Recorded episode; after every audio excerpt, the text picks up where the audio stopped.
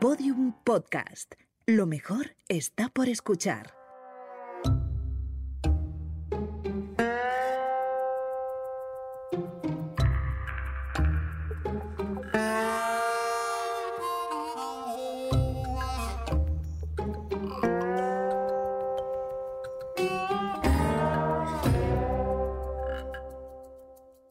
Benvinguts i benvingudes una setmana més a S'ha escrit un podcast. De fet, aquesta és l'última setmana, de moment, de moment, d'aquest podcast, que sense por d'exagerar ni una mica, crec que ja té un lloc destacat dins de la història del podcasting.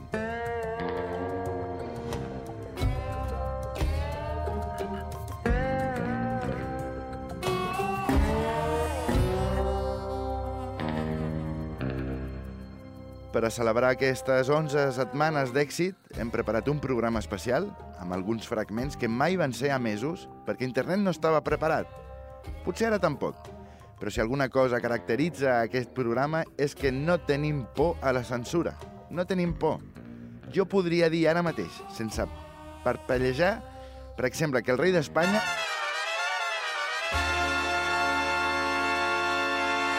amb tres nans, i no passaria absolutament res, perquè ningú s'atreveix a censurar-nos. Això seria un escàndol, censurar-nos. Tinc molta informació de gent poderosa i ells ho saben. I si algú s'atreveix a censurar un únic segon d'aquest programa, doncs jo estiro de la manta i explico, no sé, que Florentino Pérez...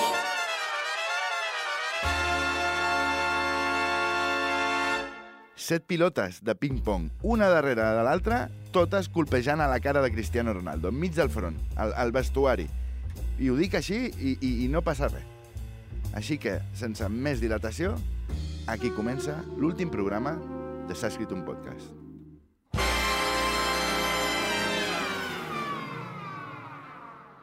El Terrat presenta Get her on your back porch. Middle of the night. Get her on your back porch. Something here ain't right. S'ha escrit un podcast. Yeah, yeah. Get her on your back porch. Episodi 12. El que ningú s'atreveix a dir. Yeah, yeah. Get her on your back porch. Exacte, el que ningú s'atreveix a dir. Ningú? No. Un podcast habitat per irreductibles periodistes resisteix, encara i com sempre, al poder. Soc l'astèrix del crim, podeu anomenar-me Thomas Fuentix, si així ho desitgeu. I començarem amb un document que portarà cua. Portarà cua, perquè fa poc vam tractar un cas que esquitxa a les més altes esferes d'aquest país. En el seu moment no ens vam atrevir a publicar-lo, però ara Tomàs Fuentix no té por a res. Endavant amb aquest document. I el papa Francesc va tornar-se a posar la roba i va marxar. Però canviem de tema, perquè el nostre equip de recerca ha descobert una cosa increïble. Anem a pams. Això que escoltareu a continuació és un discurs de Ramon Gorina, portaveu de l'ONG Gestors Sense Fronteres. Cada minut, tres nens que treballen en una mina de coltant per Apple no arriben a temps de presentar els IVAs trimestrals. És per això que necessitem enviar gestors a l'Àfrica perquè aquests menors cotitzin en condicions. D'acord? Fins aquí tot sembla normal, oi? Una persona altruista pensant en les necessitats bàsiques d'una població desfavorida. Però què passa si reproduïm, reproduïm aquest mateix discurs, però a l'inrevés? Doncs passa això. Matarem a tots els humans. Els gestors passaran a ser els únics habitants d'aquest planeta perquè són una raça superior.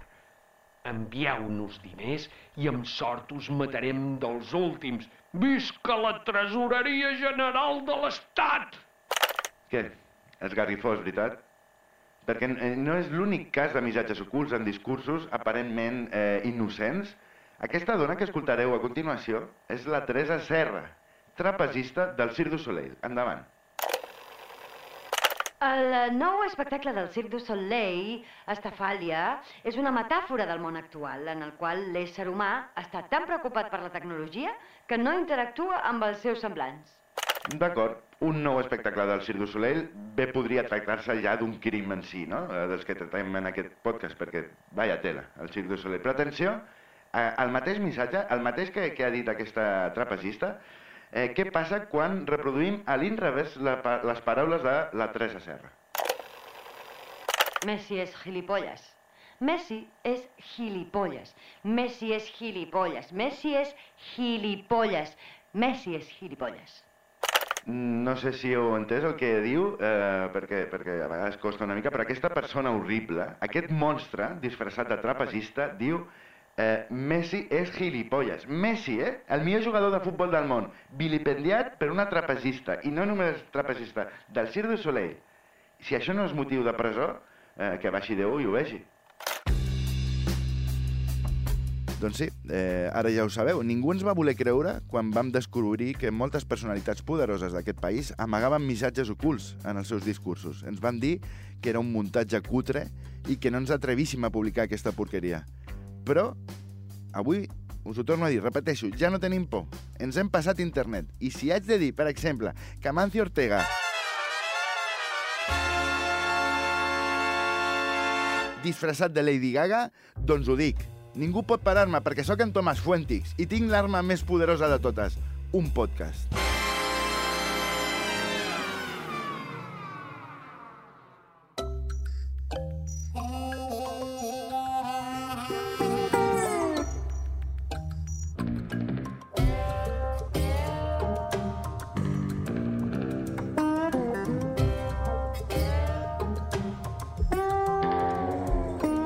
S'ha escrit un podcast.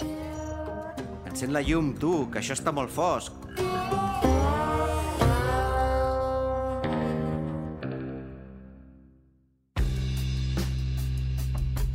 Seguim amb més documents inèdits fins avui. Fa gairebé un mes. Això va passar fa gaire- gairebé un mes. Vam tenir el nostre estudi amb Vicenç Garriga. A priori, un simpàtic forner que deia haver presenciat més de 20 crims. Ens interessava el seu testimoni, però això el vam entrevistar. Però el que va passar va ser una cosa que encara encara eh, em posa la pell de gallina. Endavant amb aquest document. I va dir, no, però m'agradaria veure-les. Us juro que això va passar, eh? I l'agent de policia va marxar amb una mà a la galta sense fer res per aquella pobra senyora... Bé. Eh, però ara a- anem ara amb l'entrevista. Avui ens acompanya Vicenç Garriga, un ciutadà de Reus que afirma haver presenciat multitud de crims. Bon dia, Vicenç. Hola, Tomàs, gràcies per convidar-me. Eh, cap problema, és un plaer que estiguis aquí. A què et dediques, Vicenç? Soc forner a mitja jornada. Molt bé, i pel teu ofici dius que has presenciat doncs, una multitud... L'altra mitja jornada soc hipnotitzador. Eh, eh, com? Què diu? Disculpa. Mira'm els ulls, Tomàs. Et pesen les parpelles. Què, què fa? No, Tens son, Tomàs. Se't tanquen els ulls. no miri, eh, jo, jo és que no crec en aquestes merdes, no són més que... Dorm, Tomàs. Tomàs, estàs sota el meu control. Quan despertis seràs un gatet. Un, dos, tres, desperta. Miau. Miau. En Tomàs acaba de fer caca en una caixa. Gatet bo, gatet bo. Dorm, Tomàs. Ara, quan despertis, em donaràs tots els diners que portis al damunt. Un, dos, tres, desperta. Eh, eh, què, què ha passat? Res, m'anaves a fer un regal, Tomàs. Ah, ah, sí, sí, un regal. Eh, mira, aquí tens 100.000 euros, el que es cobra avui en dia per fer un episodi de 20 minuts d'un podcast. Són per tu, perquè la propera setmana em pagaran 100.000 euros més. Si hi ha un lloc on hi hagi diners a dojo, és el podcasting. O sigui, Gràcies. Tomàs. Dorm. Jo ara marxo. En 10 segons despertaràs i seràs un subnormal per tota la vida. Au, adéus, ciao. Sí, amics, eh, vaig ser víctima d'un hipnotitzador. Per sort, el seu últim conjur mai va funcionar Tomà, ha vingut el grup de primer d'ESO a veure com fas el programa. Els nens, han vingut aquests nens. Do doncs digue'ls que se'n vagin a la merda, les putes criatures aquestes. I ja els hi pots dir que mai arribaran a ser tan grans com jo. És un subnormal, eh? Bé, com deia, mai va arribar a complir-se aquest últim conjur de, de l'hipnotitzador. I el més fort és que això, això de l'hipnotitzador, va passar aquí, en aquest estudi. Un crim davant dels nostres nassos. I, una cosa que us he de dir, no va ser l'únic crim. Eh, ens remuntem a l'últim Nadal. Un altre crim terrible va tenir lloc a la redacció de S'ha escrit un podcast. Això és el que va passar. Va, vinga, va, va, em toca, em toca. Va, eh, uns mitjons, eh? Uns, uns mig... Va. Ah, ah, és una broma, oi? Hòstia, per un moment m'ho he cregut, eh? Va, eh, doneu-me el regal de veritat. Tomàs, Mitjons. aquest és el teu regal de veritat. Um, a, a, ve a veure si ho entenc. O sigui, la cosa és que jo he regalat un iPad i, i ara rebo uns mitjons. Però vam dir que el límit de l'amic invisible eren 10 euros. Ja, bueno, això sempre es diu, però, però després ningú compleix. dels 10 Tots ho euros. hem complert. Ah, o sigui, tu, tots ho hem complert, tu també. O sigui, m'imagino que tu, Maite, has, has estat la que ha regalat la merda de, del gerro carrincló aquest, eh, horrible. És imbècil, és un gerro que he fet jo mateixa. Ah, a sobre l'has fet tu... O sigui, ni t'has gastat els 10 euros. Ets, ets una rata, Maite. Eh, em pots tornar l'iPad? No, ju- no, és un regal. Un rega... Mira, eh, si vols et pots quedar l'embolcall, que això és l'equivalent a 10 euros, i encara surts guanyant, però no em fotis, que a mi m'han tocat uns mitjons. Dona'm l'iPad. Té, té l'iPad. No el vull. No, a, sobre enfadat, que has fet un de No, merda. no, no, no m'enfado, Tomàs. L'any passat ja em vas fer retornar-te a la tele de plasma. És, és, que, és que teniu uns ous, o sigui, una tele de plasma que vaig regalar jo, i a mi em van tocar unes sabatilles a estar per casa. És que es diu amic invisible perquè se suposa que som amics i no, i no uns traïdors garrepes com sou vosaltres. Aquest és l'últim any que m'apunto a l'amic invisible. Perfecte, jo també. L'any que ve em faig un regal a mi mateix i així no em decebeu una vegada més, perquè sou, sou unes rates. Uns putos mitjons. A la meva pròpia redacció, a la meva pròpia casa, eh? Traït pels meus companys. Mira que hem parlat de- d'assassinats, de segrestos, d'atracaments, però això, per mi, és el més greu que he presenciat en tots aquests eh, programes que portem. Uns putos mitjons, és que... Bé, eh, seguim amb més documents classificats. Més cops de puny a la cara del poder. No tenim por a res. Jo sóc la por. I tothom hauria de collonir-se davant meu, davant de Tomàs Fuentix. I això, això va per tu, president Pedro Sánchez. Sé, eh, sé la teva història amb... matant a un dels darrers links ibèrics que queden. Només per plaer, eh? Shame on you, president. Shame on you. No tinc por a dir-ho. Mira, eh, fiquem un, un, un altre document inèdit fins avui perquè és que se m'escalfa la boca i, i acabaré al final dient alguna besteja. Va, endavant, endavant amb el següent document. I a tot això, Jordi Hurtado va contestar d'acord, no em menjaré el teu bebè. Això és Jordi Hurtado, eh? molt fort. Però bé, eh, tenim una entrevista avui també. Avui tenim un convidat molt popular, segur que, que a tots us sona el seu nom. Joaquín Sabina, bon dia. Hola, bon dia. Ui, eh, eh, es- estàs molt millor de la veu, veig, no? Sí, bé, bueno, aquella veu la faig només quan canto. La meva veritable veu és aquesta. Ah, ostres, eh, qualsevol diria que no és Joaquín Sabina, eh? que, que ets un actor al qual hem contractat i quan ha arribat a l'estudi va i ens diu que no sap imitar Joaquín Sabina i ja no podem demanar un reemborsament, oi? Podria semblar-ho, però no. Soc Joaquín Sí, Sabina. és Joaquín Sabina. Joaquín, vens a, vens a denunciar un robatori. Sí, molta gent ja ho sap, però algú m'ha robat el mes d'abril. Fa temps, ja. Vaig fer una cançó, fins i tot. Ah, sí, eh, 19 días y 500 noches es deia. No, ¿quién me ha robado el mes de abril? Ah, la del mes d'abril anava d'això. Jo, jo havia interpretat, fixa't, eh, la de ¿Quién me ha robado el mes d'abril? Jo pensava que parlava de, sobre un pirata. No, la que vaig dur fer d'un pirata és la del pirata cojo. Sí, ara que ho dius, a, a vegades pot ser molt críptic, eh, Joaquín, però, però bueno, anem al tema. Eh, quan va ser l'última vegada que vas veure el mes d'abril? Als anys 80. Mhm. En aquella època era normal perdre coses. Ja. Jo vaig perdre la veu, per exemple. Però un dia, de sobte, era 31 de març i l'endemà, pum, 1 de maig. In increïble, eh? Sí, és una putada. Tu saps el que és que cada any em perdi la fèria d'abril? Hòstia, no, no m'imagino com ha de ser de dur això, eh? Perdre Així la que si algú ha vist el meu mes d'abril, si plau, que es posi en contacte amb el programa. Ah, ah, perfecte, pots, pots escriure com era el mes d'abril? Bé, va, va, era molt normal. Com qualsevol mes d'abril, amb les seves aigües mil, amb la sang que s'alterava i va, molt primaveral. Amb els seus 30 dies i tot. Sí, ah, mira, ah, em comuniquen, sí, em comuniquen que tenim una trucada. Eh, ho- hola, amb qui parlo? Amb la Carme. Carme, eh, tens alguna dada sobre el mes d'abril de Joaquín Sabina? Sí, eh, eh, ho, ho he vist, eh, l'he vist aquest matí. Què, què dius? Has vist el mes... de- On l'has vist? On Sí, vist? en una benzinera. Una, en una benzinera? Sí, sí, sí, l'he- vist, eh, eh, es- es- estava una mica desorientat, eh? Ahà. En, en algun moment fins i tot eh, ha dit que era el mes d'agost. Ostres, pobra. jo, jo, jo no és per malmetre, però, però, però té pinta que aquest mes d'abril no, no, no ha estat robat, eh? Què, què vol dir? Com que no està aprovat? Mm, mm, no, que jo crec que el senyor Sabina, mm, sabré dir-ho, eh, però que Digui. va, va abandonar el mes d'abril en una benzinera. Senyora, això no és Ui, cert. ui, ui. Sí, sí, en, en aquella època de l'any hi ha molta gent que abandona mesos d'abril a les benzineres, eh? És molt comú, doncs mira, perquè, no sé, s'han cansat d'aquest mes, o perquè els hi dona molta feina, No, no, no, o perquè no, volen miri, avançar jo no les sóc aquest tipus vacances. de persona.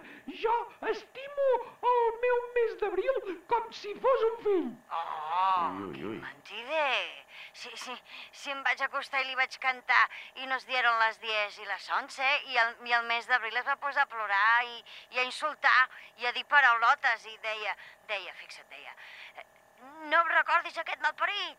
I també, i també va dir, "Co- eh, com el trobi, me'l carrego. Ostres, eh, a- aquestes declaracions són, són molt fortes. Joaquín, eh, vas abandonar el mes A d'abril? veure, a veure, a veure, és que, és que se'm va ocórrer la cançó i era molt guapa i, Sí. i, i clar, no, no tenia sentit cantar.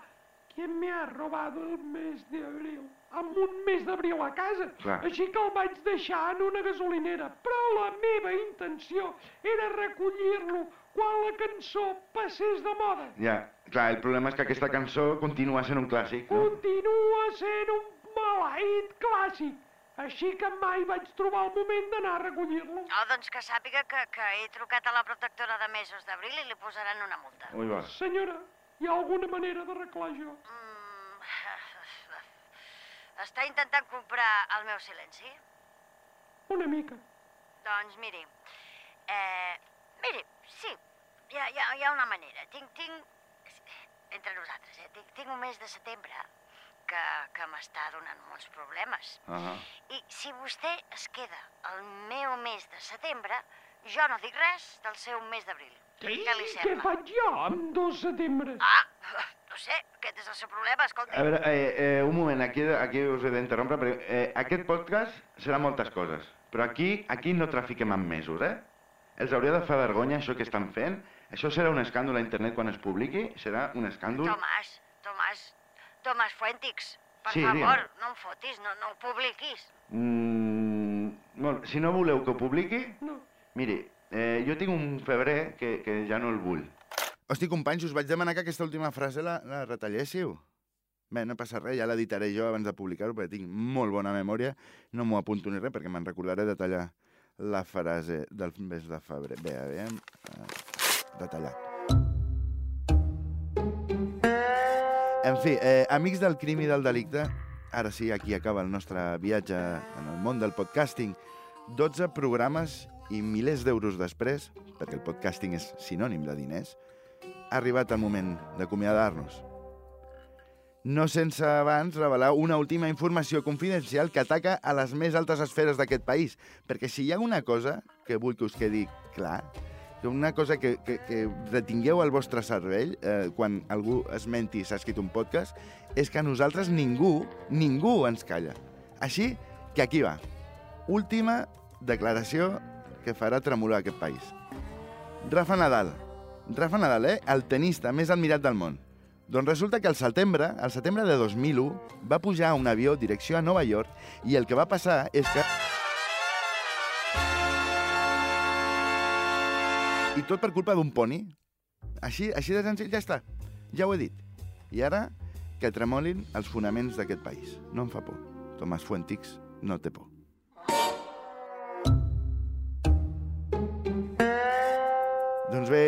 Amics i amigues, eh, criminaliers, aquí, aquí s'acaba eh, de moment la primera temporada de S'ha escrit un podcast. I res, sense més res a dir, eh, només dir-vos adeu i fins d'aquí espero que hi hagi molts més crims eh, per comentar i així podrem tornar. Eh, S'acomiada de vostès en Tomàs Fuentix, Tomàs Fuentes. Fins aquí s'ha escrit un podcast.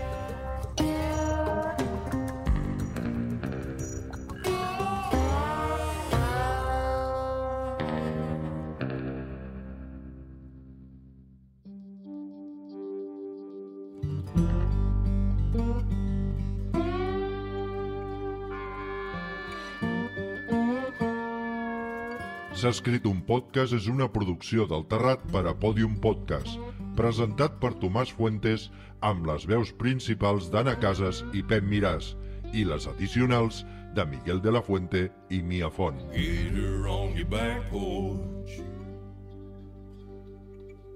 Middle of the night. Guió i direcció, Tomàs Fuentes. Get her on your back porch. Producció executiva, Mia Font. Something here ain't right. Suport de guió, Miguel de la Fuente. Yeah, yeah. Get her on your back porch. Producció, Laia Rivero i Cristina Prunell. Yeah, yeah. Came up from the bayou, Edició i disseny sonor, Guillem Arnal. sneaking up on you. Enregistrat a Onda Estudios de Barcelona. Get her on your back porch. What you gonna do? Disseny d'imatge, Mia Font i Cristian Arenas. Yeah.